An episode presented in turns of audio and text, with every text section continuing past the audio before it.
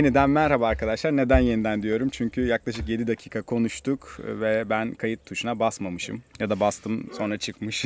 o yüzden tekrar tekrar bazı şeyleri daha samimiyetsiz bir şekilde aktaracağımız bir Onaran Podcast yayınına hoş geldiniz. Ben Doğukan. Ben de Ufuk. Arkadaşlar bugün e, normal aslında süreçlerimizden çok farklı olarak bambaşka bir yerdeyiz. Bozca Adadayız. Şu an Esmiyor Bağ Evi'nin bahçesinde cırcır böcekleri eşliğinde bir podcast kaydedeceğiz. Neden Bozca Adadayız? Aslında Bozca Ada Jazz Festivali'nin davetiyle buraya geldik. Bir sokak yerleştirmesi, atölyeler, yapmak üzere. Ee, geçen seneden beri aslında içinde olmak istediğimiz bir oluşumdu. Sağ olsun Esmiyor ekibinin de vasıtasıyla e, BCF ekibiyle bir araya geldik ve e, bugün sanırım 5. gün mü Ufuk? Evet bizim 5. günümüz oluyor sanırım. Aynen. Bir, bir tık- Çarşambadan beri aynen. Aynen çarşambadan geldik erkenden takımla birlikte böyle hem bir e, dinlenelim, tatil yapalım hem de işlerimizi halledelim diye. E, bugünkü yayında da yalnız değiliz. Yanımızda Esmiyor ekibinden Utku ve Derin var. E, onları burada ağırladığımız için çok heyecanlıyız. Arkadaşlar öncelikle hoş geldiniz. Hoş bulduk. Hoş bulduk. Siz de hoş geldiniz. E, teşekkür ederiz ev sahipliğiniz için. Asıl biz hoş, hoş geliyoruz değil mi? Esmer Bağ evine. Aynen. Yine işte şey hep bunu söylüyorum. Geçen programda da öyle oldu. Kimin kime konuk olduğun belli olmadığı bir, bir yayın oluyor hep bizde. Çünkü e, hep böyle ya bugüne kadar ikinci konuğumuzsunuz. Siz de ikisi de evet evet. Ya zaten üçüncü kayıt bu. Bir önceki e, kayıtta da Aykut vardı Podfresh ekibinden. Yani o kadar profesyonel ki podcast dünyasındaki siz, siz de öylesiniz. Biz, Bizde Aykut da bizi konuk almıştı. Daha Ya- ta ta biz en çok başında. tecrübesizlik ve çok heyecanlanmıştık. Çok orada. heyecanlanmıştık. Aynen biz de böyle yeni yetme podcastçiler olaraktan e, sanırım artık süreci e, iyi bir şekilde yönetiriz bilmiyorum. Bize destek olmanızı bekliyorum arkadaşlar. Bekliyoruz. Kanalımıza abone olun. Kanalımıza da abone olmayı unutmayın bu arada. Ee, bugün böyle birazcık hem Esmiyor ekibini yakından tanımak istiyoruz. Esmiyor'un ne yaptığını bilen birçok e, dinleyicimiz vardır muhakkak ama bir kez daha bilmeyenler için tekrarlanmasını rica edeceğiz. Öte yandan aslında benim en çok merak ettiğim şey Utku ve Derin'in arka planda neler yaptığı. Ee, sizleri derinden tanımak bizi mutlu eder ve dinleyicilerimizi mutlu Utkulu eder. bir şekilde derinden Aynen. tanımak isteriz. Aynen. Aynen. Utku Utku şaka. Ee, bu küçük şakalardan sonra toparlayıp hemen bu sefer sana güveniyorum kayıt yapıyorsundur diye. Ee, Okey süper. evet ya arkadaşlar gerçekten hani e, biz aslında böyle dostane bir tanışıklığımız var ama yeni dinleyecekler e, dinleyecek olanlar için Esmiyor ekibi ne yapıyor? Esmiyor ekibini oluşturan insanlar ne yapıyor aslında yani bu mindset'e nasıl geldiniz onu bir dinlemek isteriz sizden. Hı hı. Ee, isimle başlayayım yine? Hadi yani isim isim ya ismi herkes biraz böyle tut- tutuldu. Hani bizim de çok hoşumuza gidiyor. Ee, ya ilk başta belki hani eskiden iklim krizini çağrıştıran bir isim değildi bu ve bunu sağlamış olduk. Hatta geçen de bir iş ilanı açtık LinkedIn'de. İş ilanının altına böyle çok alakasız ilk kez gören biri işte ha ha ha ne kadar komik isim falan yazmış böyle. Ee, ama tabii yani esmiyor kelimesi bir işte 2015'ti galiba. Çok sıcak bir yaz olmuştu 2014 ya da. Ee, o zaman tabii Twitter var, Vi- Vine var falan hani sosyal medya. Aşırı böyle bir ilk e, işte büyük mimlerden bir tanesiydi abi esmiyor, esmiyor. Böyle herkes şey yapıyor. Biz de böyle e, bu o zaman podcast ya podcast olarak başlayacaktık. Podcast'te isim arıyoruz. İsimler havada uçuşuyor. Tabii yapmak istemediğimiz isimler de var böyle. İklim alarmı. İklim sana. ayarını işte eee, iklimin sesi falan gibi şeyler. Abi böyle üstünde ne olsun ne olsun derken işte esmiyor diye eee, çıktı ortaya. E tabii biz yani niye hani ikimiz derinde bir araya geldik de hani iklim kriziyle ilgili konuş, konuşacağız diye. Eee, aslında biz iklim krizini biraz kişisel olarak dert ettik. Hani backgroundlarımızda kesinlikle e, ne hani böyle bir iklim aktivizminden geliyor ne de yani iklim araştırmacısı ya da e, bilim insanı değiliz. E, ikimiz de avukatız aslında E, ve ama bir yandan da bu konuyu böyle aşırı dert ediyorduk yani çünkü e, biraz da pandeminin de etkisiyle hani dünya yani krizler çağına girdik ve en büyük meselelerden bir tanesi de e, iklim krizi ve bununla ilgili nasıl insanlara e, eğlenceli içerikler yapabiliriz e, noktasından çıktı. Ee, tabii ondan önce iklim kriziyle ilgili biz böyle bir dernek, bir aktivite, sizin benzer bir şey kurmak istiyorduk. Doğa sporlarıyla bunu bağdaştıracak bir şey kurmak için böyle konuşmalara başladık. Ee, sonra Derin dedi ki ya bir, bir podcast yapalım mı dedi. Sonra sen ne dedin? Ben de dedim ki abi şimdi her 30 yaşını geçen erkek podcast yapıyor. ee, ya emin misin bunu yapmak Bizi kim istediğine? dinler? Ha bizi kim dinleyecek? Bir de aynı zamanda hani e, iklim kriz yani kimsenin duymak dahi istemediği bir konuda insanları yani nasıl dinleteceğiz bunu diye bir konu çünkü. Ya Tabii. tabii canım hani şey yani insanlar çok duy- duymak istemiyorlar çünkü kompleks bir konu. Ee, ama bir şekilde ikna etti beni derin ve biz işte podcast olarak başladık. Tabii e, podcast sonunda başka içeriklere döndü. Ee, daha yaratıcı işte video, e, görsel içerik bir e, dünyamıza döndü. Oradan da aslında başka tasarımlara döndü. İşte marka işbirlikleri başladı. İşte e, hatta ilk yaptığımız işbirliklerinden birisi Bozcaada Jazz Festivali ileydi. Onların içeriklerini tasarladık. Sürdürülebilirlik rehberi tasarladık festivale gidecekleri için geçen sene tam bu zamanlarda. Ee, oradan sonra da işte farklı şeylerle şu anda yani iklim krizi ve sürdürülebilirlikle ilgili iletişim çalışmaları yapar hale geldik. Ya şey dedi yani biz ne yapıyoruz hani normalde hayatta. Yani ben işte şu anda full time olarak bunu ya- yapmaya başladım. Derin hala avukatlık görevine devam ediyor bir hukuk bürosunda e, partner olarak. O yüzden de bunu da anlatmak istiyoruz. Çünkü hani herkesin böyle yani background'un farklı olabilir ama bu konuda bir şey yapabilirsini de e, vermek istiyoruz açıkçası insanlara. E, çünkü benim de, ben de avukatlık yaptım. Sonra Birleşmiş Milletler'de çalıştım. Şimdi e, full time olarak bu iletişim çalışmalarını e, yapıyorum, sürdürüyorum.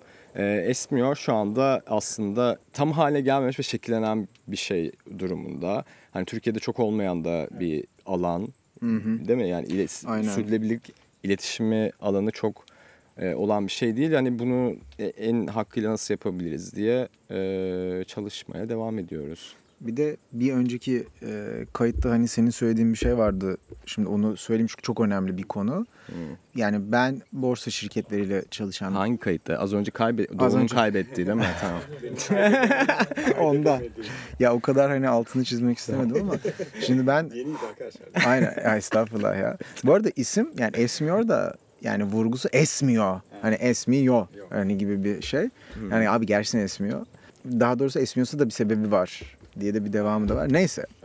Uzun e, lafın kısası. Şimdi bu ben borsa şirketleriyle e, çalışıyordum. Aslında inanması güç ama yani halka arzlar falan filan yapıyorduk işte. Yapıyorum hala. Ee, yani Türkiye'de çok kalmadığı için hani yapamıyoruz ekonomik durumdan dolayı ama çok büyük şirketlerle bir çalışma durumu var.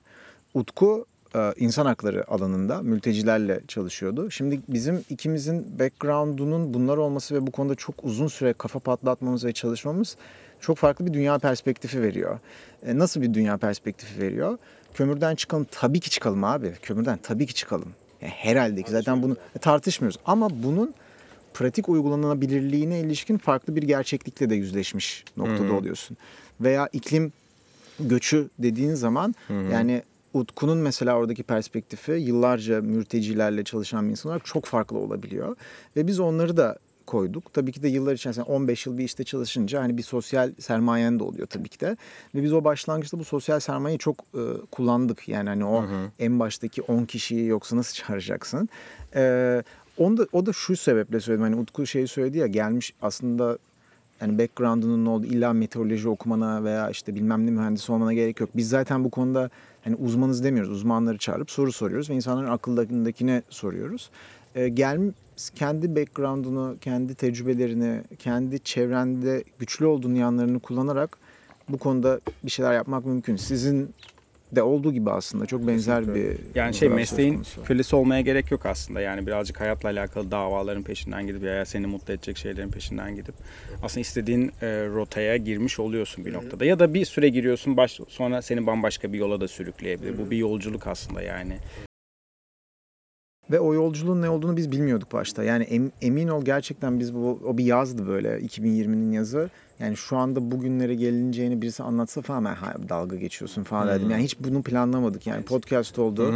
Sonra işte Apple isim verelim hani Apple mağaza açılışına çağırdı oradan bir network oldu o bir şeye bağladı insanlar bize bir soru sordu aa bak bu konuda yapılması gereken bir şeyler var yani hep böyle büyüdü ve acaba bir sonraki Bozcaada Jazz Festivali'nde umarım burada olursak ikimiz hani onaranlarda ne olacak, Esmiyor'da ne olacak gerçekten çok merak ediyorum ve bu beni birazcık da heyecanlandırmaya başladı. Gelecek böyle heyecanlandırıp ve umut Yani üzerine sürekli başladı. bir şeyler koymak, katma değerini arttırmak inanılmaz motive edici ve on- bence onarıcı da. Yani ya, o hani şeyden Onarıcı bahsetmemiz tabii. bence önemli. Hani önemliydi. Sizin backgroundlarınız nereden nereye geldi ve nasıl böyle bir dünyanın içerisine girdiniz. Çünkü e, insanların özellikle gençlerin ilhama çok ihtiyacı var ve hani insanlar artık geçen de hatta burada bir iki gün önce de bir araya geldik Esmiyor Bağ Evi'nde böyle güzel bir davette sağ olun tekrar onun için. Ee, böyle e, muhabbet ederken şey dedik yani im- ilham olacak şey aslında ortaya koyduğumuz e, dinamik ve ortaya koyduğumuz marka, ortaya koyduğumuz oluşum bu çok güzel. Evet bu ilham verici bir şey ama bunun arkasındaki süper kahramanlar kim ve nereden? Asıl onu trigger eden güç nereden geliyor? Onu bilmeleri insanların çok önemli. O yüzden tebrik ediyorum ya vallahi hani benzer bir hikayenin parçası ol- olmuşuz aslında hani derinden böyle birazcık bakınca e, keyif verici ve ilham verici. Ee, şimdi birazcık böyle aslında biz konukları alırken onların onarıcı etkisine de biraz odaklanmak istiyoruz. Yani Esmiyor ekibinin buna bireysel de cevap verebilirsiniz ama e, ben daha böyle genel soracağım. Esmiyor'un onarıcı etkisi nedir sizce? Ne oldu Utku bana çevirdin abi. Yo ya bir şey söyleyeceksin. Ben ne bileyim abi sen ben söyleyeceğim de sen Abi sen başlar ha, mısın? tabii. Burayı keseriz ama. Yok ya. Kesmiyor muyuz? ya neden biliyor musun? Bize çünkü montajdan sonra bir gönderir misiniz denildiği zaman ben bir tık böyle bir şey oluyorum ya. Çünkü ben konuşmuşum orada. Eğer hani off the record dersem zaten off the record'dır o başka bir konu ama e, yani bunun şu an kaydedildiğinin bilincinde olduğumuz için ya podcast öyle bir şey. Birazcık böyle raf hani böyle e, radyo gibi veya işte konuşma dilinden biraz daha farklı bir şey bence. O da benim hoşuma gidiyor en azından. Okey. O zaman Buyurun. cevap cevabı giriyorum ben. Lütfen. Ya benim kişisel olarak da sordun aslında hani onarıcı etkisini. Ben e, derinle hani esmiyor bir noktaya geldikten sonra hatta gelmeden önce e, konuşurken hani bu konularda dert edip e, bir şey yapamama ya da e, tam olarak e, böyle sıkışmışlık hissini üzerimden attığımı fark ettim ve şey dedim hani üzerimdeki ölü toprağa kalktı e, demiştim bu konuyla ilgili. Ee, ve gerçekten hani bizi heyecanlandıran bir süreç başladı orada. Ee, bu tabii biraz daha kişisel bir hikaye ama hani Esmiyor'un genel olarak e, yani eleştirilecek yanları olabilir. Ee, işte daha belki ya çünkü iklim meselesi ve çevre meselesi işin içine girince daha belki hani aktivist bir yerden yaklaşanlar ya da daha politik bir yerden yaklaşanlar eleştirebilir. Hani oradaki ve onarıcı etkiyin şeyini küçümseyebilir, e, etkisini küçümseyebilir ama ve bunun korkusu da vardı bu arada başlarken Vardı, hatırlarsın vardı, değil mi? tabii, yani tabii, tabii, var. biz böyle bir şey giriyoruz ama hani diğer insanlar ne ne diyecekler? Ee, ya da yıllarca bu işte çalışan, e, emek harcayan, mücadele veren insanlar ne diyecekler? Ama inanılmaz bir şekilde her bir kesimden çok iyi tepkiler aldık ve bence bu o her bir kesim için onarıcı bir etki yarattı diye düşünüyorum. Çünkü ya e, bunu de- dendiğini çok iyi hatırlıyorum. Hani e, artık hani sizin gibi insanların da bu konuya dert edinmesi ve bunu e, yine bizim gibi insanların dert edecek hale getirmesi ha- harika bir etki yarattı diye söylediler bize. Hani bu benim söylediğim bir şey değil. Bence bu biraz on- onarıcı bir etki yarattı yani bu mesele açısından. Hani çünkü ya şöyle bir algı vardı ya bu işte iklim krizi e, meselesi işte dünyanın geleceği meselesi ya çok uzak bir mesele ya Türkiye'ye çok uzak bir mesele e, ya da bizim bi- bireysel olarak çok da bir şey yapamayacağımız bir mesele Veya algısı çok vardı. zengin işi de vardı. Ha, zengin Bak, işi de vardı. Hı hı. Hı. Ee, biz hep bunların hepsini kırmaya çalıştık. Ve bir, bir yandan da üzülerek söylüyorum ki yani ilginç bir şekilde bunun kırılmasında e, bizim istemediğimiz şeylerin aslında mücadele ettiğimiz şeylerin etkisinin artması. Mesela orman yangınları, müsilaj, e, diğer işte e, orman tahribatları, biyoçeşitlilik tahribatları o kadar üst üste geldi ki yani insanlar da evet ya hani bu e, 1900 e, 2050'nin konusu değilmiş. Şimdi konuşmamız lazım noktasına geldi ve biz başlarken gerçekten böyle düş biz bile böyle aklımızda evet yani biz şu anda bir aksiyon almalıyız ileriyi kurtarmak için de ama o kadar acil bir krizin içinde olduğunu olduğumuzu fark etmiyorduk. O da insanları etkiledi bu konuda konuş, konuşmayla ilgili. Ama bizim her zaman yaptığımız fe- felaket senaryoları üzerinden değil, daha o olumlu söylemler, onarıcı söylemler üzerinden buna yaklaştık. Hep yani mesela işte rengimiz bile sarı mesela hani yeşil değil, kırmızı değil. Ee, o yüzden hani öyle bir iletişim tercihimiz de var. Senin ekleyeceğin Ya, bir şey var mı? e- evet sen şimdi söyleyince benim ekleyebileceğim şeyler oluştu abi sağ ol. Ee, hedef kitle olarak belki de yani çıkış çıkarken aklımızda bir hedef kitle vardı. Ee, onarıcı etkinin yayılmasını istediğimiz bir hedef kitle vardı. Çünkü yani biliyorsun yani biliyorsunuz iklim krizi veya sürdürülebilirlik tarafında zaten bunu dert edinen ve hayatında önceliklendiren bir kitle var. Ancak bu tarz bir problemin şu anda gelmiş olduğu noktada bu kitlenin hareketleri bunun çözümü için yetersiz. Yani yetersiz olduğu belli ki zaten 20 yıldır artarak devam eden bir problem. Ee, bunun o e, toplumsal olarak kritik sınırın üstünde bir insan tarafından kabul edilmesi ve daha sonrasında da ana akım haline gelmesi e, talep ediliyor. Bu arada e, benim yani ben de bu tarz böyle bazı çeşitli grupların içerisinde hani yer almıştım. Bir konunun ana akım haline geldiği gelmesini istemediğin zamanlar da olabiliyor. Anlıyorum yani hani onu.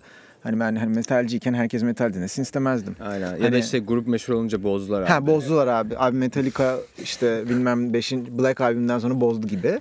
Ee, ama ya bizim hedefimiz tam tersiydi. Yani bunu ana akım haline getirmek. Zaten o yüzden de e, davet ettiğimiz konuklara falan bakarsanız psikolojiyle, sosyolojiyle, sağlıkla birazcık da bazen böyle popüler insanları da davet edip bakın onlar da bunu konuştuğu zaman onun hedef kitlesine de yayılabilmek adına e, bunu da yapmaya çalıştık.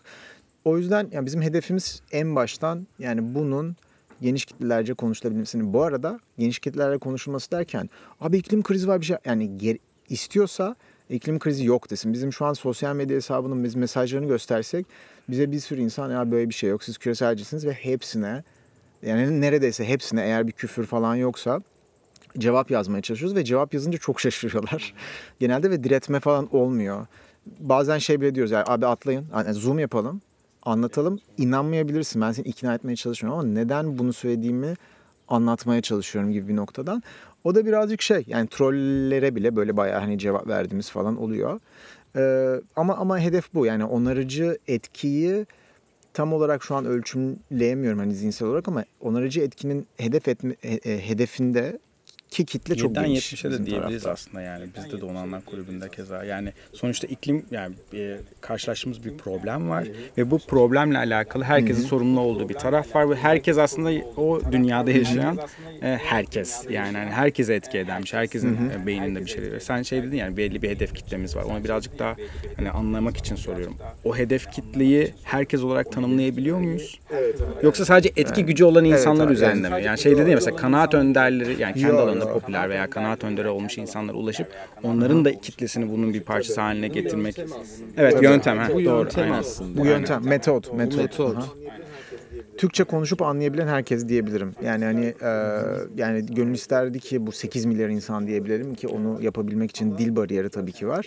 Ama bu podcast'in erişebileceği ve dinlediği zaman bunu anlayabilecek.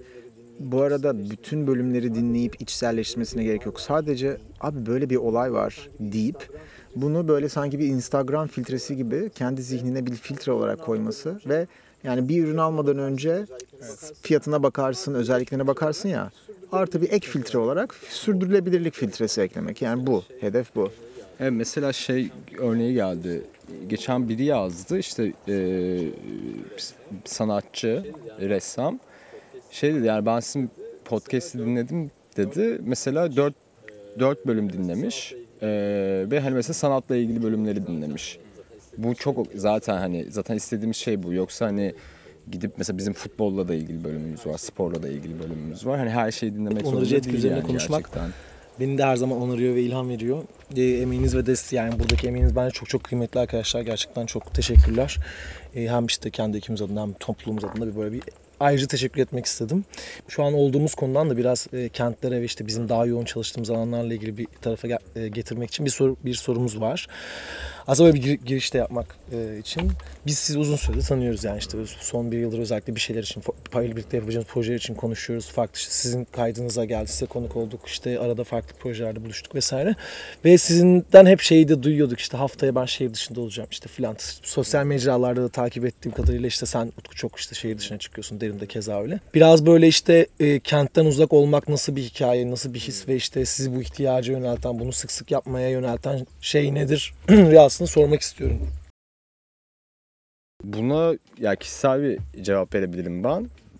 Yani ben bunu seviyorum yani. Bilmiyorum nereden geldi. Hani ilginç yani bugün sizden önce kayıt yaparken işte Perma e, kampın e, kurucusu Alpay abiyle yaptık. Mesela benim daha önce işte e, 2018'den beri dahil olduğum bir işte doğa aktiviteleri ve dağcılık e, kulübünün kurucusuymuş. Ben de orada öğrendim. Şimdi ben yani hayatım boyunca vardı yani bu böyle hani kentten uzaklaşma ama bir yandan da kent çocuğuyum yani hani şimdi yani semt çocuğuyum yani hani o yüzden o o garip bir ikilem benim için.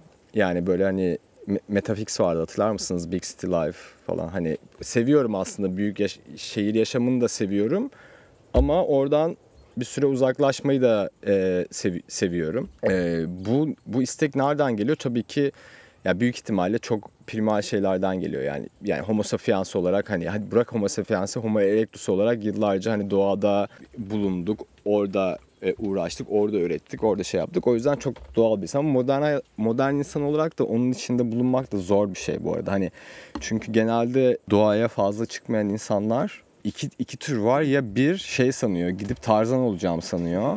İki tamam mı? Hani böyle abi işte sen, yani çünkü biz o evrim sürecinden çok geçtik yani hani o, o tren kaçtı yani hani artık şey yapamıyoruz yani hani böyle e, üç gün boyunca hiçbir şey olmayan bir yerde yaşayabilecek skillere sahip olan insan sayısı dünyada 10 kişi falandır yani.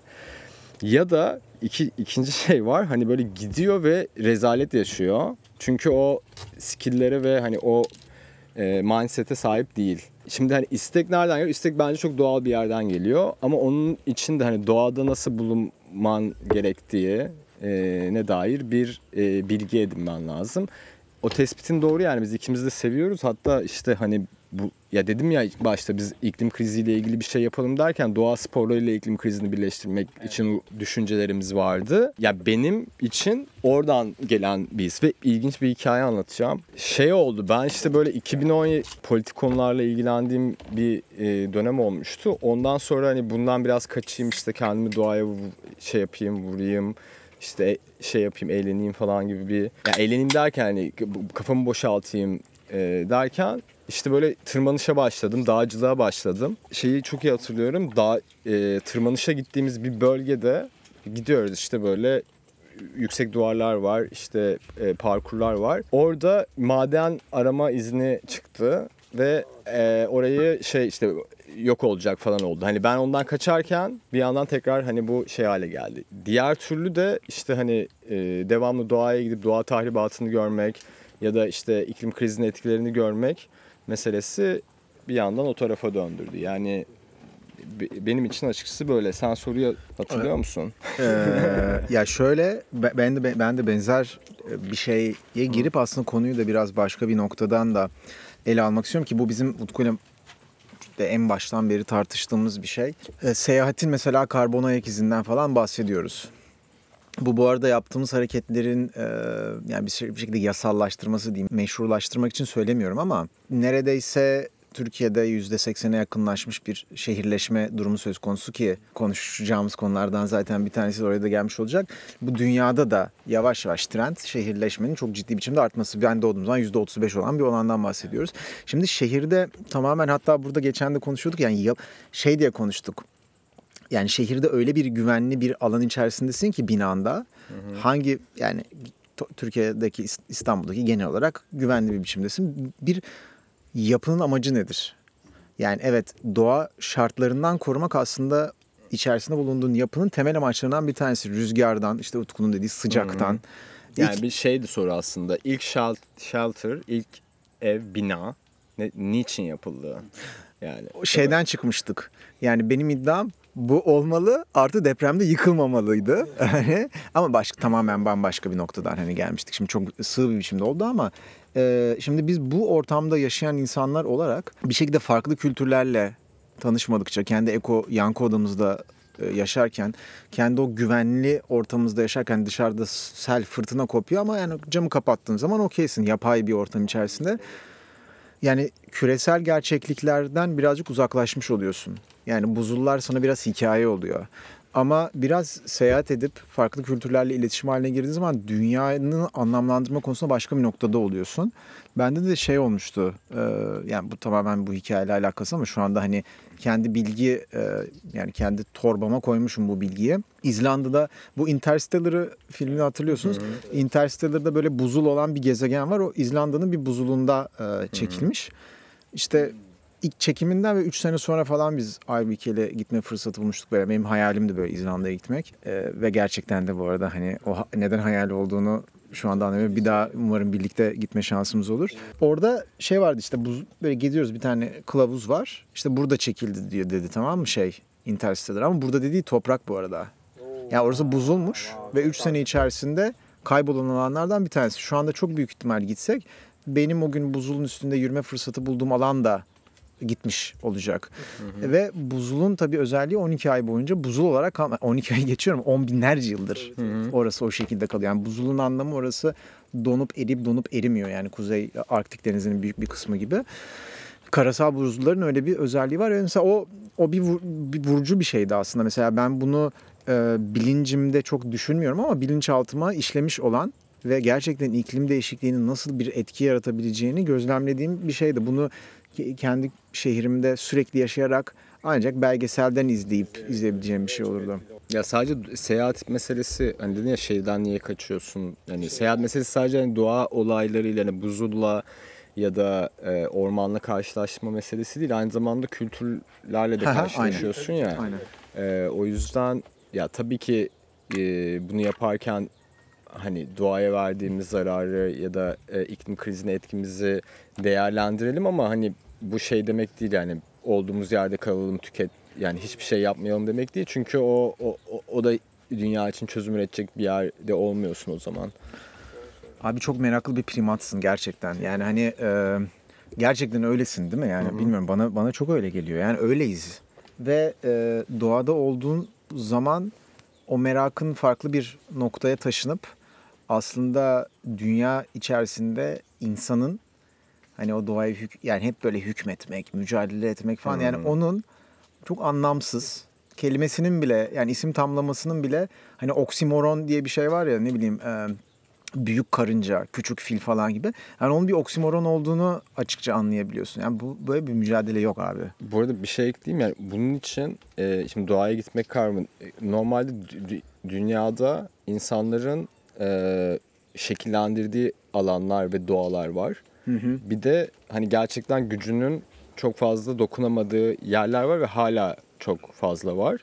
E, biraz ö, yani onu hissedebilmek için biraz öyle yerlere gitmek gerekiyor. Yani şey demiyorum tabii ki yani mesela atıyorum Bol, Bozcaada'dayız ya mesela Bozcaada'da işte Bozcaada kamp, campingde kalmak da bir doğanın içinde olmak gibi ama aynı şey değil yani o hissi hissedebilmek için mesela bir kere hani böyle 2-3 gün bir dağ tırmanışı yaptığında e, ve o dağın böyle hani gerçekten yaşadığını ve senin onu çok kontrol edemediğini e, o kadar da gücünün olmadığını ya da gerçek bir e, ormanın ya da yarma ormanın içinde yürüdüğünde bizim buraya yani çok kontrol etme gibi bir gücümüz yok. Ya zarar verme gücümüz var ama kontrol etme gücümüz yok. Onu ona o, o hissi almak aş- acayip insanı e, insan merkezlikten çıkarıyor abi. Yani o zaten herkesin söylediği şey. Yani bizim insan merkezli olarak düşünmememiz için hani o gücümüzün o kadar da fazla olmadığını algıladığımız deneyimler yaşamamız lazım. Ama zarar verme gücümüzün de ne kadar yüksek olduğunu da bilmek lazım. Yani çünkü artık zarar verme gücü insanın sadece insanlarla kaynaklı bir şey değil yani. Hani senin Fiziksel ta- touch değil yani değil mi? değil Hani değil. Değil. Çok kompleks şeylerle. Yani benim baltayla girip kesmem değil. Yani endüstriyel olarak sen artık orada inanılmaz bir maksimizasyon yapmışsın. Zarar maksimizasyonu yapmışsın. E, onu da tabii algılamak lazım. Bu bu arada sadece şimdinin değil yani ge- bin- e, 19. daha doğrusu 20. yüzyıl geçmişine bakarsan işte kurşunlu benzinle e, havanın zehirlenmesi veya kloroflorokarbonlarla buzdolabı ve deodoranla ozonu del yani o da e, hiç tahmin etmediğin fiziksel ve kimyasal reaksiyonlarla bunlar zincirleme de gelişebilir. Aslında senin zararını maksimize edilebilme imkanı var ve bunun maalesef onarılması senin tarafından değil doğanın tekrar rejenere olarak olmasıyla olduğu için e, zarar verme gücü de Dün çok üzücü şeyle bir biçimde çok Ayazma yüksek. Manastırı'ndan Aytekin'le dönerken takım arkadaşım uzun süre sonra ilk kez bu kadar zifiri karanlıkta gökyüzüne bakma e, şansı elde ettim. O yıldızları falan görünce, o büyüleyiciliği görünce Aytekin'e şey dedim. Abi biz hiçbir şeyiz ya. Yani çok büyük bir kudret var. Yani hani inanılmaz hani kontrol etmesi çok zor ama zarar vermesi bir yandan çok kolay. Yani hani şey diyoruz biz dünyaya zarar veririz okey. Ama bir yandan da uzay çöplüklerini konuşuyoruz artık işte uydu çöplükleri bilmem ne falan. Yani insan aslında o kadar hani primat falan diyoruz ama zarar vermek istediği noktada veya zarar verdiği kanala girdiği andan itibaren etkisini dünyanın dışına da e, çıkartabiliyor. Bir yandan o kadar güçlü, bir yandan da o kadar aciziz. Yani bir şeyleri onarma noktasında çok aciziz. Onu dün böyle fark edince bayağı bir büyülendim yani. Bir yandan da işte şey şeyi tetikliyor. Abi bir şey yapmamız lazım gerçekten. Ama ne yapmamız gerektiği noktasında işte siz ve sizin gibi e, veya işte bizler gibi elini taşın altına koyan insanların yönlendirmeleri veya farkındalık çalışmalarına bir şekilde cevap verebiliyor olmak veya katılımcı olmak. Çevreye biraz katılımcı olmak. Hani biz hep kente katılımcı, kentte katılımcılığı konuşan bir sosyal girişimiz ama işte do- doğaya katılımcı olmak da bunun bir parçası.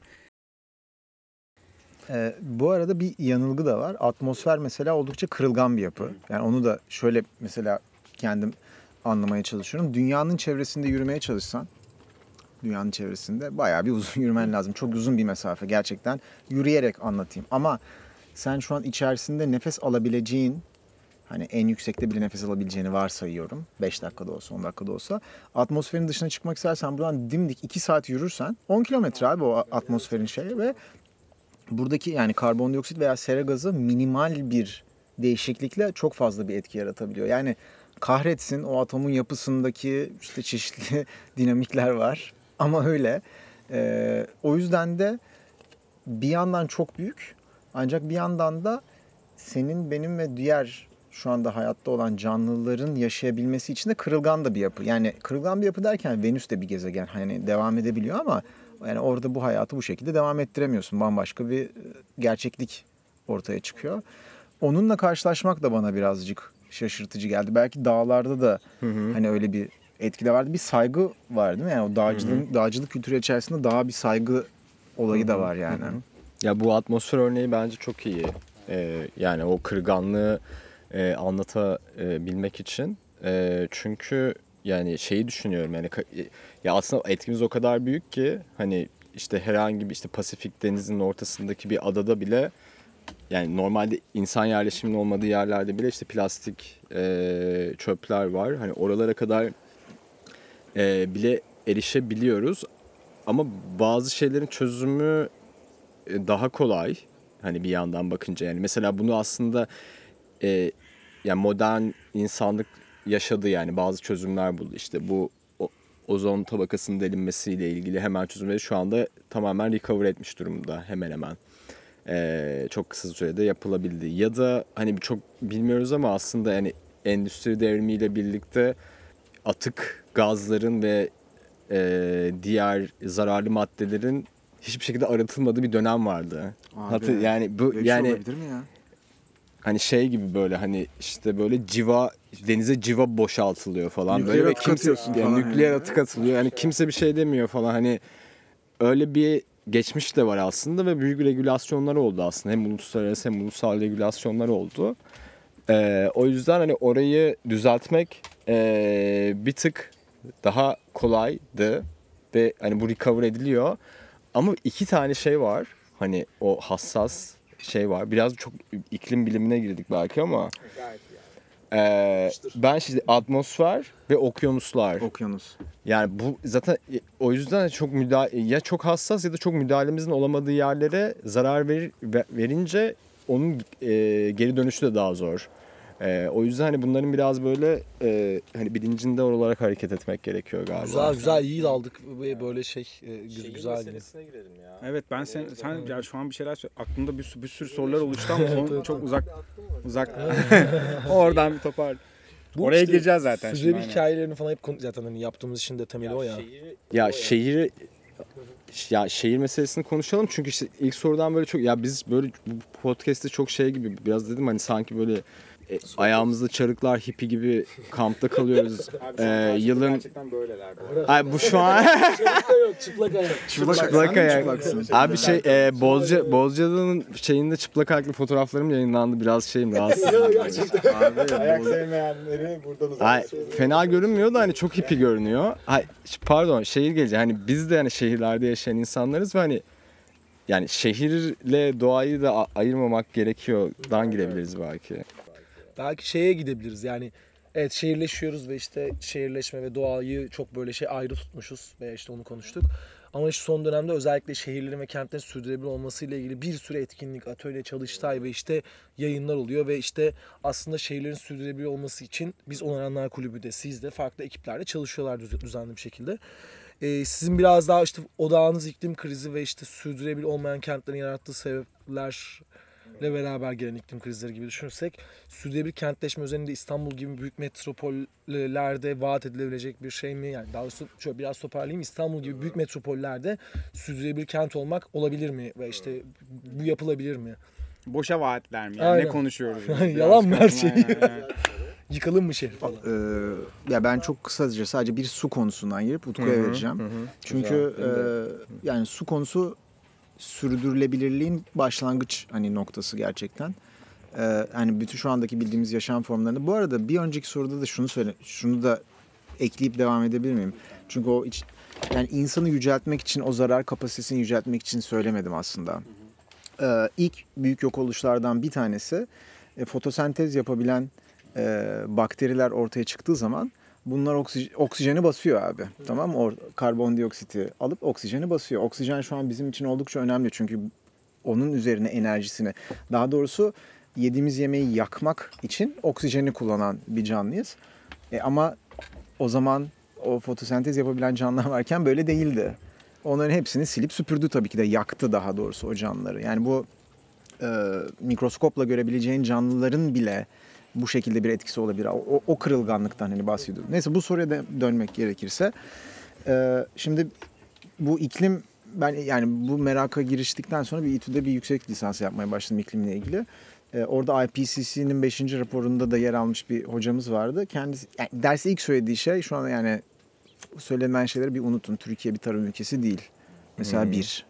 Böyle bir şey bu büyük bir yanılgı. Su Ukrayna bolluğu yok. su bolluğu yok. Ukrayna bir tarım ülkesi ama Türkiye değil. Ee, su İstanbul'daki en büyük sıkıntı. Ee, tür, biliyorsun yani İstanbul'da iki tane böyle yaka var ve onların üç tarafı denizle çevrili. Şimdi bu suya aslında su bolmuşçasına düşünüyorsun ama tatlı suyun çok az. Ee, ve e, mevcut e, rezervuarlarla Türkiye İstanbul'un nüfusu 12 milyon üstüne çıkamıyor. Mevcut tüketim alışkanlıklarıyla devam edersen, tutumlu biçimde tüketim yaparsan. Sen 12 milyonun üstüne çıktığın zaman başkasının suyunu çalman lazım. Barajla veya nehirle veya bir şekilde getirmen yapılıyor. lazım. Ki yapılıyor. Şu anda. Şimdi bu da bizi adalet durumuna aslında birazcık da getiriyor. Yani hani başkasının gerçekten suyunu çalıyorsun. Çalarken o suyları kirletiyorsun veya e, bazı nehirlerin, tarım yapılan nehirlerin yerlerini vesaire değiştirmen lazım. Yani aslında şimdi sen yani 12 milyonun üstünde İstanbul'un sürdürülebilir olması bir yalan. Sen kendi yani çünkü sürdürülebilir olması kendi kaynaklarınla başkasından almadan veya gelecek nesillerden almadan devam ettirebilmek ya. Yani bu mümkün değil. Bunu modelle görebiliyorsun. Veya hepimiz e, su yani su karnemiz olacak ve su ihtiyacımızı ona göre karşılayacağız. Bu bir bilimsel bir gerçeklik. Bunu modelleyebiliyorsun. Bu bir istatistiki bir gerçeklik. Onu bir atayım ortaya ve bu Evet, tartışmaya başlatayım dedim. Ben çok fazla bir şey eklemeyeceğim ama şunu yani şimdi İstanbul özelinde konuşuruz konuşursak İstanbul dünyada da e, unik bir e, kent yani şey metropolün ötesinde bir yer, bir yerleşim. Hani dünyada belki o mega kent yani gerçekten. O yüzden de ona göre değerlendirmek lazım. Yani mesela bir Kopenhag'ı sürdürülebilir hale getirmekle İstanbul'u sürdürülebilir hale getirmek arasında aynı konuları konuşursan bi- biraz komik oluyor. Ee, o yüzden hani daha böyle hardcore bir konuyla girmen o yüzden iyi oldu. Çünkü evet yani böyle güzel çalışmalar yapılıyor, işte dönüşümler yapılıyor ama hani böyle çokça ciddi önlemlerin alınması gereken bir yerdeyiz. Yani biz, biz söylemiyoruz yani uzmanlar e, söylüyor bunu İstanbul'la ilgili. E, ama ben yani belki hani ya, ya bu tarz konuların içine girebiliriz. Bu arada tam olarak kentle ilgili mesela podcast'te yapmadık hani kentin mimarisiyle ilgili belki hani tam olarak bunda çalışan biriyle de konuşulabilir. Ama böyle hani daha fütüristik bir yaklaşımla hani gerçekten kentlerdeki kamusal alanları işte kamusal müştereklerimizi nasıl kullanıyoruzu belki değerlendirmek lazım. Sizin yaptığınız işte biraz öyle ya. Ee, yani kamusal alanı açıyorsunuz, kullanılır hale getiriyorsunuz. Ve hatta ilk kaydettiğimiz podcast'teki bir şey- konuya hatırladım şimdi. Şey şeyi söyleyeyim. Ben çok şaşırıyorum mesela. Bazı kentte bazı alanlar var. Ee, un- unclaimed diyorum ben onlara yani kimse şey yapmamış, sahiplenmemiş. Sahiplenmeyince de bir şey artılı olanlar yani. Sahiplenmeyince de e, bir şey olmuyor. Ama onun nasıl sahiplenmesi gerektiği de işte bizim e, gerçekten hani geleceği nasıl kuracağımızla ilgili diye düşünüyorum. Ben bu sol, solar punk meselesine biraz takmış durumdayım.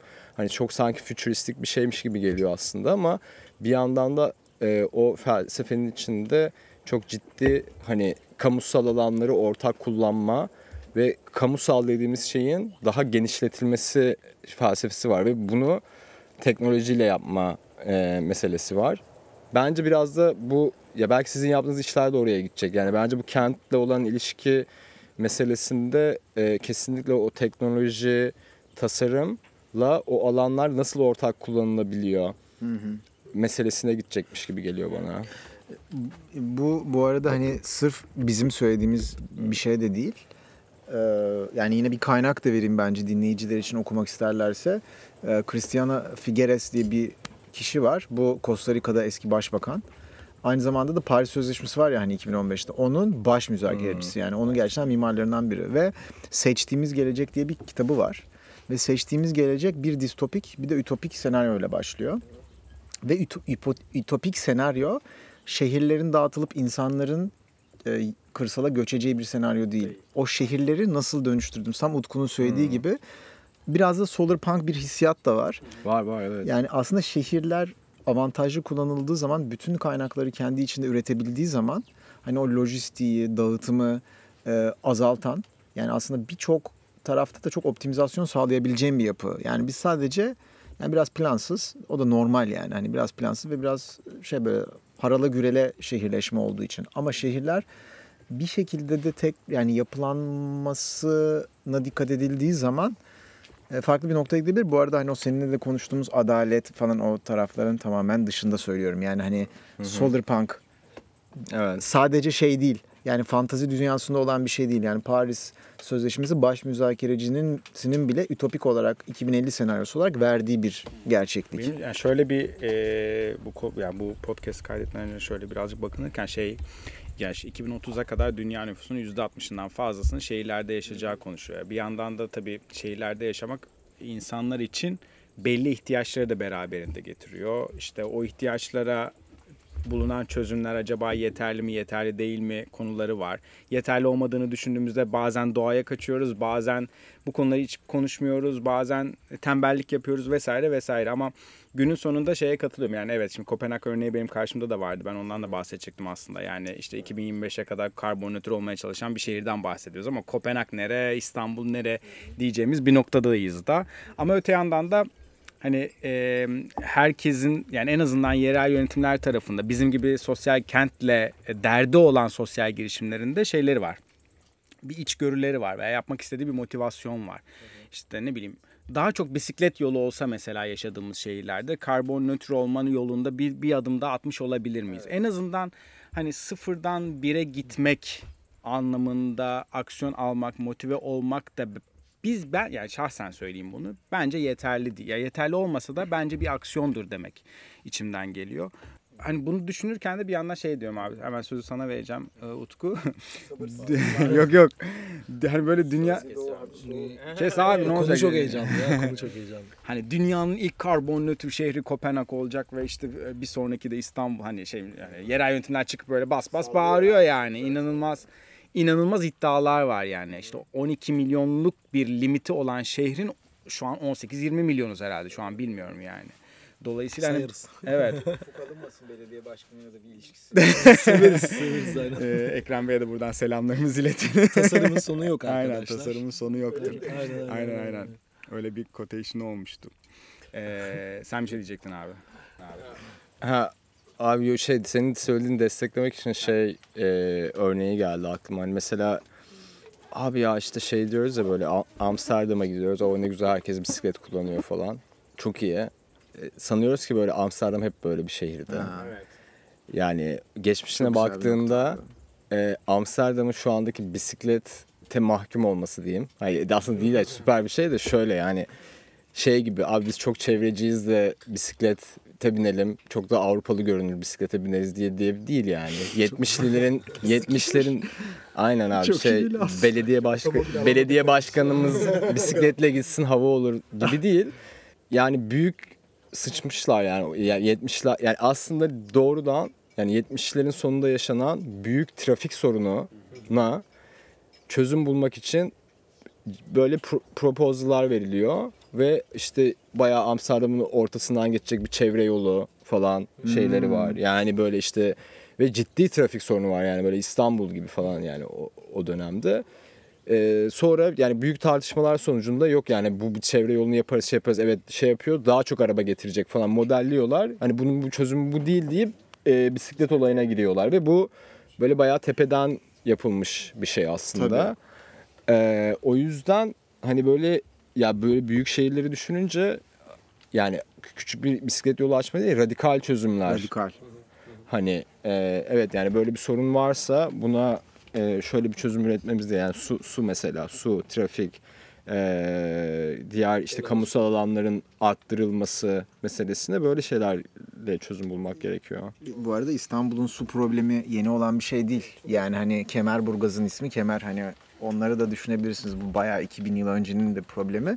Şeyde de yani bu bisiklet aslında yani şunu da söylemek lazım.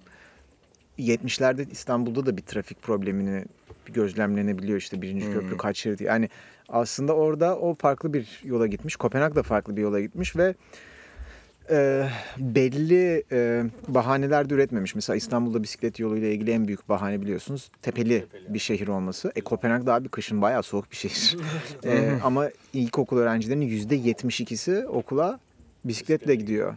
Yani ilkokul Kopenhag'da bir ilkokula gittiğiniz zaman önünde böyle mesela bizim üniversitede böyle 5 tane bisiklet koyma yeri vardır ya. Öğrenci sayısı kadar bisiklet yeri var abi şaka gibi. Ya o, okulun ya- yarısı bisiklet yeri. Yani bunu yüceltmek veya şey yapmak için söylemiyorum. İş, iş işten geçmiş zaten ama radikal çözümler. Yani hani 10 kilometre yol yaptım değil. Gerçekten de radikal çözümler önemli. Radikal çözümler için de ikna mekanizması ya ikna da demek istemiyorum ama herkesi bir şekilde kamusal bir tartışma ortamı olması da çok önemli ve e, Türkiye'de o kamusal tartışma ortamının tamamen yani yok olması, insanların en küçük politik konunun karşısında fikir beyan etmesinin imkansızlaştırılmış hale getirilmesi de bu tarz sorunların çözümünde abi ne oluyor? Şöyle oluyor. Türkiye'nin var ya bak gerçekten iklim değişikliği ve sürdürülebilirlikle ilgili politikasının sembolü poşettir abi. Plastik poşetin üstüne sıfır atık yazar. Budur yani. Gerçekten bu bayağı iyi sembolize ediyor bütün her şeyi. Ya şey diyeceğim abi bu arada. Lafı çaktı ve Yani şu an arkadaşlar yalnız değiliz bu arada. Bir bahçede olduğumuz için bizi dinleyen arkadaşlar da var yanımızda. Kaç kişiyiz? 8, 8 kişi var yani az da bir kalabalık değil. İlk kez bu kadar kalabalık bir ekibinin karşısında podcast kaydediyoruz. Şu an yemek yeme derdine düşmüş olsalar da. ya şi- ilk kez Esmiyor'un konuk olduğu veya Esmiyor'un konuştuğu bir podcast Aa, öyle mi? Gururla. şey diyecek, ne diyecektim ya? Ee, bu hani kent, heh, bizde şöyle bir şey var abi. Yavaş yavaş da böyle e, sonlandırmaya doğru yol açmaya çalışacağım. Bizde şöyle bir şey var. Öyle bilmiyorum bu doğru bir gözlem mi ama problem var. Şimdi po- politik taraftan bakınca birazcık bir problem var. Bu problemin e, çözümü için sunulan kaynaklar ve çözümler var. İşte yollar var. Problem büyüyor. Onun için de bir çözüm bulunuyor. Problem büyüyor. Onun için de bir çözüm bulunuyor. Yani Yama yöntemi. Evet yama yöntemi yani e, işte 2 milyon araç varsa ona göre yol yapılıyor mesela. E, 3 milyon olduğunda bu sefer daha da fazla yol yapalım mantalitesi var. Yani orada dediğin şey çok önemli. Bir kültürel değişime ihtiyaç, bir politika değişimine ihtiyacımız var aslında. Yani çözüm daha fazlasını yapmak ve onlara kaynak sağlamak değil de mindset olarak bir şeyleri değiştirmek. O da işte bence şahsi fikrim yani siz ne düşün- düşünüyorsunuz bilmiyorum ama çok küçük yaştan başlayan bir e, eğitim süreci. Yani o mindset'i değiştirmek, o- onunla yani çocukları bu noktada yetiştirmek. Yani bisikletin ne ne olduğunu ve bize nasıl fayda sağlayabileceğini atıyorum şu an tamamen. Veya işte iklim krizinin ne olduğunu, nelere dikkat etmemiz gerektiğini, neleri ayrıştırmamız gerektiğini, bu ve benzeri konulardaki hassasiyetin eğitimle çok küçük yaştan itibaren verilebiliyor olması. Böyle bir politikası olması lazım. Öte yandan da tabii ki çok daha radikal çözümler sunabilecek eee, aksiyonlar alınması gerekiyor. Özellikle yerel yönetimler tarafında. Bir de artık bence talepkar da bir nesil var. Yani yanlışları bilen e, bu hassasiyetleri, e, bu içgörülere sahip de bir nesil var. Ben öyle görüyorum. Çünkü bilgi ve bilişime erişim çok kolay artık. Yani bugün işte Kopenhag'da neler olduğunu gören bir Z jenerasyonu bu sefer kendi, kendisine katılımcılık imkanı tanınan bir yerde bir şeyleri isteme hakkına sahip olduğunu ve bunu pratik ettiği bir durumu da gözlemliyoruz. Biz özellikle kamusal alanda iş yapanlar olarak bunu görmeye çalışıyoruz. Ama hani işlenebilirliği, yapılabilirliği tartışılır noktada. Yani bu mevcut ekonomik durumda beni en çok üzen şey bu biliyor musun? Yani biz gidip görme fırsatımız oldu. Ee, farklı bir uygulamayı görmek çok ilham verici gerçekten. Yani onu da talep ediyorsun. Mevcut e, çark içerisinde açıkçası dönmüyorsun. Ve dediğin gibi e, o şekilde büyümüş bir insan zaten o şartlarda büyümüş bir insanı mevcut sisteme getirirsen abi siz gerizekalı mısınız falan der. Yani fosil yakıtlı araç mı çalışır? Motoru ısıtıyorsun, ses çıkıyor. Bunların hepsi bir enerji kaybı. Yani e, toplamda 240 kiloluk bir kütleyi bir yerden bir yere taşımak için bir buçuk tonluk araç kullanıyorsun. Sen mal mısın der. Yani hani bu gerçekten de güzel bir soru. Ee, o soruyu sordurabilecek insanların insanlar zaten onlara da çözüm bulabilen insanlar oluyor. O çözümü bulduktan sonra bir de onun kritik bir eşin üstüne geçerek kabul görmesi lazım. O kritik eşikte işte o bahsetmiş olduğun şekilde büyüyen insanlarla bir birlikte oluyor diye tahmin ediyorum. belki bitirirken çok büyük e, ve yukarıdan bir laf edeceğim gibi olacak ama hani ya insan tarihine baktığında yani şöyle bir dönem ben böyle bilim kurgu falan çok seviyorum. Hani şeyi düşünüyorum böyle hani 110 bin sene sonra hani buraya baktığında ne olacak? Hani böyle şöyle bir era olduğuna dair birileri bir şeyler söyleyecek. Ya insanlık bir dönem manyak gibi milyonlarca yıl önce ölmüş diğer canlıların fosillerini, karbonunu çıkarıp o karbonu yakıp üzerine bir medeniyet kurmuş. Şey diyecekler bu aşırı saçma bir fikir. Ee, Ya kurmasına bir şey değil. Bak, kurdu. 250 yıl devam et. Hani sen Yo, ama kıs- çok kısa bir süre bu arada. Yani gerçekten şu anda çok kısa bir süre. 250 sene devam edecek bir olaydan bahsediyoruz ki insanlık tarihini şeyden alırsan hadi Homo sapiens'ten al 200 bin seneden 300 bin seneden bahsediyoruz. Hani 200 iki- o 250 seneye bakınca şey diyecekler yani biz böyle bir yöntem uygulayıp bir şeyler inşa edildi. E, çalışmadı. Çalışmadı. Şimdi ba- başka şeyler yaptık falan olacak. Ama o olurken ne kadar az hasarla çıkacağız meselesi var ve çok büyük söyledim ama yani bu benim de söylediğim bir şey değil hani şey gibi algılanmasın çok ciddi bu konuda çalışan insanlardan duyduğum e, bir mesele ve böyle yani gerçekten hani o e, durumu değiştirecek dediğin gibi hani ya bir şeyi yaparken o işin sonucuna da bakan bir e, sisteme geçmemiz lazım. İşte bu döngüsel ekonomi meselesine. Yani ben fosili e, yerin altından çıkarıyorum, yakıyorum. Sonucu ne olacak? Ya bakan bir sistem kuracağız yani ileride. E, ya kuracağız ya kurmak zor kurmak öyle. zorundayız. Abi Öyle yani- öyle. Hani şey değil bu böyle. Hani aktivizm ya da böyle olmak zorunda. Yani Hı hı. Başka zoraki şansın olarak yok. böyle başka yöntem yok yani. Hani Abi- bunu ama bu bir geçiş süreci uzun yıllar sürecek ama bu böyle olacak yani, Yani sonunda. sürdürülebilirliğin belki öyle kapatalım. Sürdürülebilirliğin temelinde sürdürmek var. Şimdi fosil yakıtlar ne kadar sene kaldığını bu görüyorum. Abi 10 bin yıl kalsın. Bak, Bu arada yüz- şey bak şey diyorduk ya hani fosil yakıtlar iklim krizine sebep olmasa bile saçma bir şey. Evet. Yöntem. Evet. Yani Bitecek çünkü. Abi fosil yakıtlar böyle okaliptus kokusu yayıyor ve başka hiçbir şey yaymıyor olsa da saçma. Bitecek abi. 100 yıl 80 yılı bırakıyorum. Hadi diyelim ki bütün tahminlerin e, 100 çarpan üstü olan 10 bin yılda bitecek bile olsa sen 10 bin yıl sonra bitecek olan bir kaynağı bir sistem inşa eder misin? Şu anda Kaynak kullanmak değil, ka- e, o e, kaynak üzerine bir sistem inşa kaynak ediyor. üzerine yani e, elektriğimizin %61'i şu anda fosil yakıtlardan elde ediliyor. Bu arada %11'i de şey nükleer onu da söyleyeyim. Yani %72'si çünkü o da no go ya. Ee, ama enerji ihtiyacımız yani taşıma, gübre vesaire gibi %85 bak sen bir sürü şeylerden bahsettin. Güneş, rüzgar, cart konuşuyoruz. %85'i hala şu an abi rüzgar tribünün çelik kanadını üretmek için onu sen bir fosil yakıtta fosil yakıtta çalışan bir e, şeyde yüksek ısılı fırında inşa ediyorsun. Taşımak için yüksek ısılı fırın kullanıyorsun. Taşıma kablolarını üretmek için, onun çevresindeki plastiği üretmek için hep bunları kullanıyorsun. Yani ekonomik sistemin bunun üzerine kurulu. Bu kadar saçma bir şey zaten olamaz. Ama bunun belki de öyle, öyle bitirebiliriz. Bizim esmi olarak da çıkış noktalarımızdan bir tanesi oydu. Hep soruyla biz şey yapıyoruz başlıkları. Yani kamusal alanda tartışılabilir şeyleri tartışmamız lazım. Benim çizgim bu demek dememek gerekiyor. Ee, bunlardan bir tanesi nükleer enerji. Nükleer enerji tartışacaksak tartışalım. Bu arada yani nükleer enerjiyi kullanalım demiyorum abi tartışalım. Yani bu doğru mudur? Yani düşünürsen e, füzyon olayını daha hani başaramamış olmakla birlikte sen yani hidrojeni helyuma dönüştürüp oradaki atomik e, bondlardaki enerjiyi, atomik bağlardaki enerjiyi ortaya çıkarabiliyorsan bu bayağı manyak bir olay yani hani. E, ve de tartışırken artısını eksisini birazcık da ya ben biraz bu komplo teorisine de giriyor olabilir ama böyle elektrik araç çıkıyor ama pilleri falan bataryaları falan hani hep her şeyin bir aması var. Her şeyin bir aması var. Ee, bunlarısı kamusal alanda böyle utanç yaşamadan artısıyla doğrusuyla tartışabilir. Bazen de bizim söylediğimiz veya senin söylediğin veya başkasının söylediği yanlıştır. O yanlışları da kabul edip ilerlemeyi öğrenmek lazım. Bizim de hedefimiz aslında bu.